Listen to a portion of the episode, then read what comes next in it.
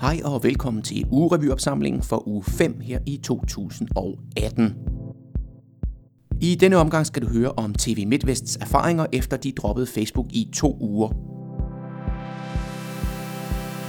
En række medier er blevet ekstra interesseret i push-notifikationer efter Facebooks varslede ændringer, og Facebook og Google kigger nu på lokaljournalistik. Til slut får du selvfølgelig det sædvanlige rundown på de sociale medier.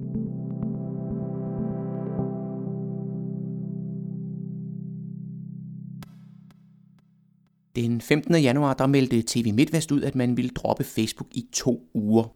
Det gjorde man for at se, om et medie kan undvære Facebook-platformen i 2018. Nu er de to uger så gået, og i et blogindlæg der har Nadia Nikolajeva, der er digitalchef hos TV MidtVest, delt nogle af deres erfaringer. Som ventet så skete der et fald i brugere på deres website. Antallet af brugere det faldt nemlig med 27% i forhold til lignende perioder i juli, august og september. TV MidtVest de har helt bevidst valgt at ekskludere tiden op til kommunalvalget fra sammenligningen. Derudover så faldt sessioner, det man også kan kalde besøg, med 20%, mens antallet af sidevisninger faldt med 10%. Noget af det, de savnede mest, var dog ikke nødvendigvis trafikken, men det var mere muligheden for at få reaktioner fra brugerne.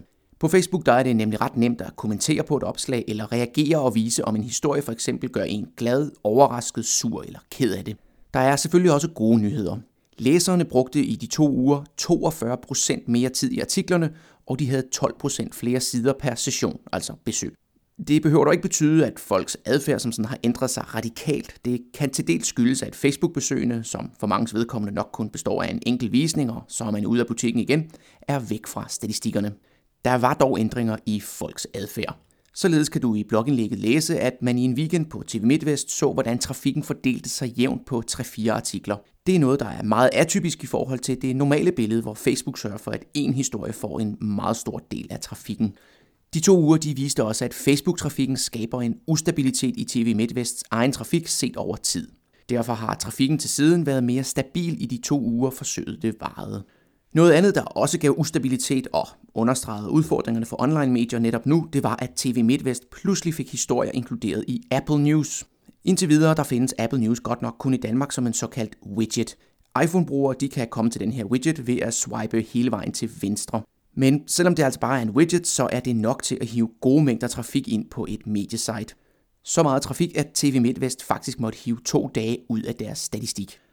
Fagbladet Journalisten de har tidligere skrevet om, hvor meget trafik medier kan hive ud af det her Apple News, og hvor lidt kontrol de har over, hvad Apple inkluderer.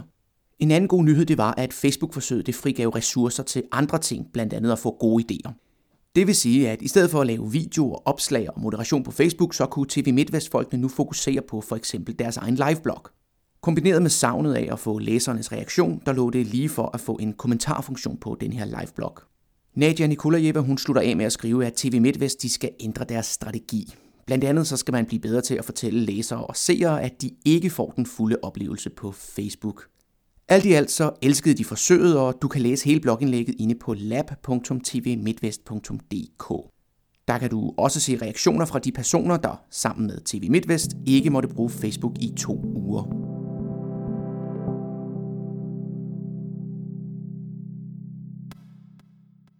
I takt med, at det bliver sværere og sværere for medierne at nå deres modtagere via Facebook-platformen, så er de begyndt at kigge sig om efter andre muligheder. En af mulighederne det er de her push-notifikationer, hvor man sender en besked direkte til brugerens telefon.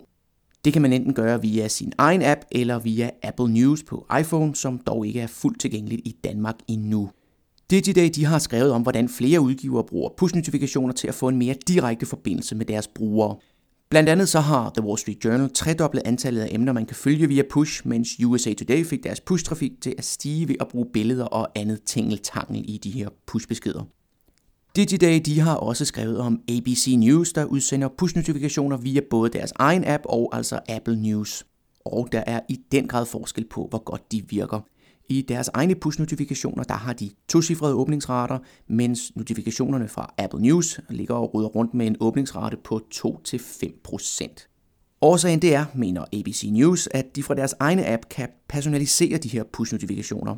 Den mulighed den har man ikke i Apple News, og det er der nu flere udgivere, der efterspørger, at Apple implementerer. I ugerevyen fra uge 48, der kunne du læse en Nieman Lab artikel om, hvordan 2017 blev push-notifikationernes år. I den artikel der kan du læse meget mere om, hvordan udgivere har eksperimenteret med formen og indholdet i deres push-beskeder. På Apple-enheder der fungerer det sådan, at du skal have en app, hvis du vil sende dine brugere push-notifikationer. På Android-platformen der har du lidt flere muligheder. Du kan blandt andet gøre det via noget, der hedder Web Push Notifications. Det betyder, at din webapplikation kan sende push-beskeder til brugerens telefon. Google, der står bag Android, har lavet en guide til, hvordan du kommer i gang. I beskrivelsen til denne podcast episode, der finder du et link til hele ugerevyen, hvor du også finder et link til den her Google Guide. Men kommer Apple så slet ikke til at understøtte WebPush? Ja, jeg fandt en artikel fra september 2017, og der ser det desværre ikke sådan ud. Man skal også huske på, at det vil give Apple et argument mindre for, hvorfor man selvfølgelig skulle lave en app og have den app i deres App Store, hvilket Apple jo allerhelst ser, at man har.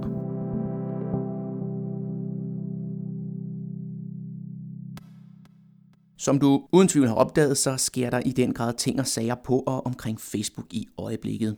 I ugens løb der udgav Mark Zuckerberg en ny opdatering, hvor han forklarede, at Facebooks næste fokusområde det bliver lokalnyheder. Indtil videre så sker det her forsøg kun i USA, men det betyder, at hvis man følger et lokalmedie, så vil deres historie få en bedre plads i ens newsfeed. Det samme gælder, hvis ens venner deler historie fra et lokalmedie. Du kan læse meget mere om den her satsning i en artikel hos Recode, og de henviser til en pressemeddelelse fra Facebook selv, hvor de forklarer, at de vil identificere lokale medier ud fra, at de har læsere i et tæt geografisk område. Inde på medietrends.dk, der stiller Jan Birkemose det gode spørgsmål, om det kan betyde, at medier, der egentlig er landsdækkende, men har læsere koncentreret i et geografisk område, pludselig kan blive set som lokalmedier af Facebook. Andre steder har jeg set folk lufte den samme tanke om for eksempel New York Times, som har en meget stor læserkoncentration i New York. Inde hos Pointer, der kan du læse, at flere udgivere de tager godt imod Facebooks seneste tiltag. Og det kan man jo et eller andet sted godt forstå. Google de er også i gang, og de eksperimenterer med en app for lokalnyheder kaldet Bulletin, skriver TechCrunch. Tanken det er at skabe et sted, hvor folk kan dele historier og indhold fra deres nærområde. Man kunne selvfølgelig argumentere for, at folk har rigeligt med muligheder for at dele den slags indhold allerede den dag i dag. Men Google de håber altså også, at de kan komme til at samarbejde med lokalmedier og hjælpe dem med at finde de gode historier og naturligvis kreditere brugerne for det. Det er bestemt ikke første gang, at Google giver sig i kast med brugergenereret indhold. Og det er ikke rigtig gået godt nogen af gangene. En af mine yndlingseksempler, som du måske husker, det var det her null, som var Googles svar på en form for Wikipedia – det blev bestemt ikke nogen succes, og Google måtte lukke det igen. Af andre eksempler kan nævnes Google Boss og Google Wave og ja, også Google Plus, selvom det stadigvæk kører. Det var oprindeligt online-magasinet Slate, der afslørede Google Bulletin. De fortæller også, at det indtil videre kun testes i Nashville og Oakland.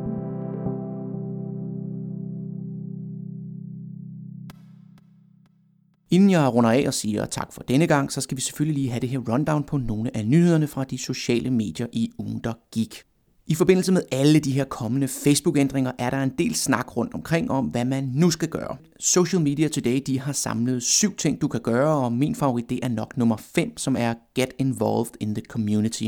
De her Social Media Today, de elsker åbenbart listeartikler, for de har også skrevet om ni ting, som udgivere skal vide om de kommende newsfeed-ændringer. Columbia Journalism Review de skriver, at nye data tyder på, at mere end halvdelen af Facebooks partnere på Instant Articles har forladt initiativet. Instant Articles det er jo de her artikler, der loader super hurtigt, fordi de bliver vist direkte på Facebooks egen platform. Det fungerer ved, at man giver Facebook et feed, hvorfra de henter en kopi af indholdet, som så bliver lavet hos Facebook selv.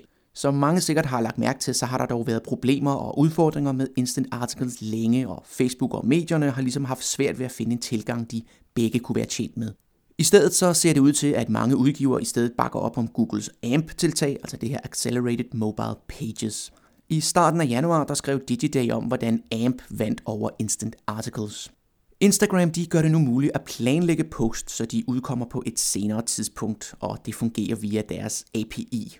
Det betyder, at du ikke kan gøre det direkte i Instagram-appen, men at du skal bruge en tredjepartstjeneste, som så snakker med Instagrams API. Her er det også vigtigt at bemærke, at det kun er virksomhedsprofiler, der indtil videre får adgang til den nye funktion. Instagram de er også kommet med gode nyheder til deres annoncører i den her uge. Hos TechCrunch der kan du nemlig læse, at de nu vil understøtte karusellannoncer, som det kendes fra blandt andet Facebook. Det vil sige, at der fremover kan være op til tre billeder eller videoklip i den samme annonce. Der går rygter om, at Facebook måske er på vej med en videochat-enhed kaldet Portal. VentureBeat de har samlet fem måder, Facebook kan bruge ansigtsgenkendelse, hvis enheden bliver til virkelighed. Det drejer sig om animerede emojier og avatarer, som dem Apple har på iPhone X. Så drejer det sig om betaling, annoncer målrettet dit humør, måling af din lykke og personalisering. Og så kan du så selv vælge, hvor tryg eller utryg du vil være ved de udsigter. Snapchat de investerer nu endnu mere i deres Bitmoji-løsning og opskalerer nu til Bitmoji Deluxe. Det giver dig endnu mere mulighed for at skræddersy din digitale dobbeltgænger. Noget andet Snapchat har investeret meget i, det er de stories, man kan lave i appen, og som Snapchat var de første til at bruge.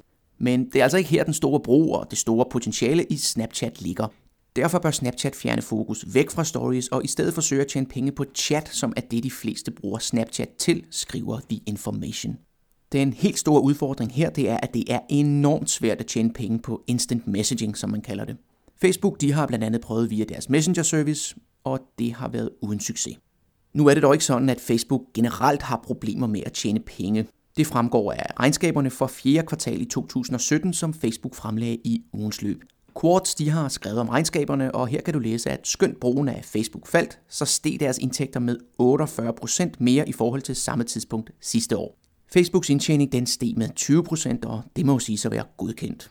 Det er især mobile annoncer, der trækker regnskabet i den rigtige retning, skriver MediaWatch. Hos Mediatrends der kan du se indtægterne anskuet ud fra per bruger, og her kan du se, hvor langt Facebook de er foran Snapchat.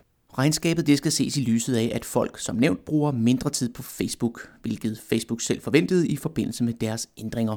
Til gengæld der er Facebook steget lidt på brugertallet, dog mindre end forventet, og Mark Zuckerberg taler nu om, at man kigger på at gøre det, der er godt for Facebook på lang sigt.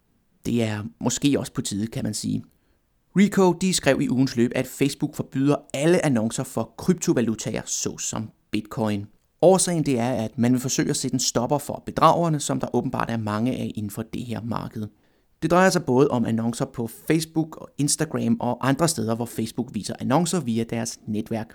Bredden i det her forbud, der kan virke overdrevet, det er helt bevidst, indtil man har mere styr på, hvem de brødne kar er.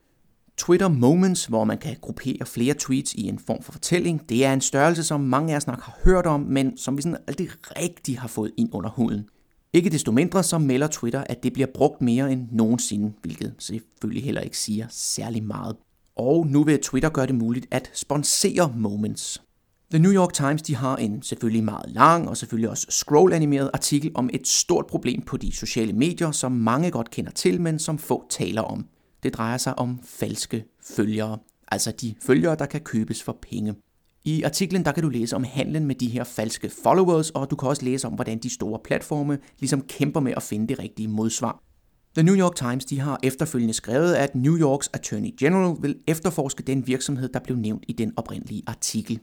Den danske rettighedsorganisation Koda mener, at YouTube slipper alt for billigt i forhold til at betale penge til de rettighedsindhavere, hvis musik bliver brugt og afspillet på platformen, skriver MediaWatch.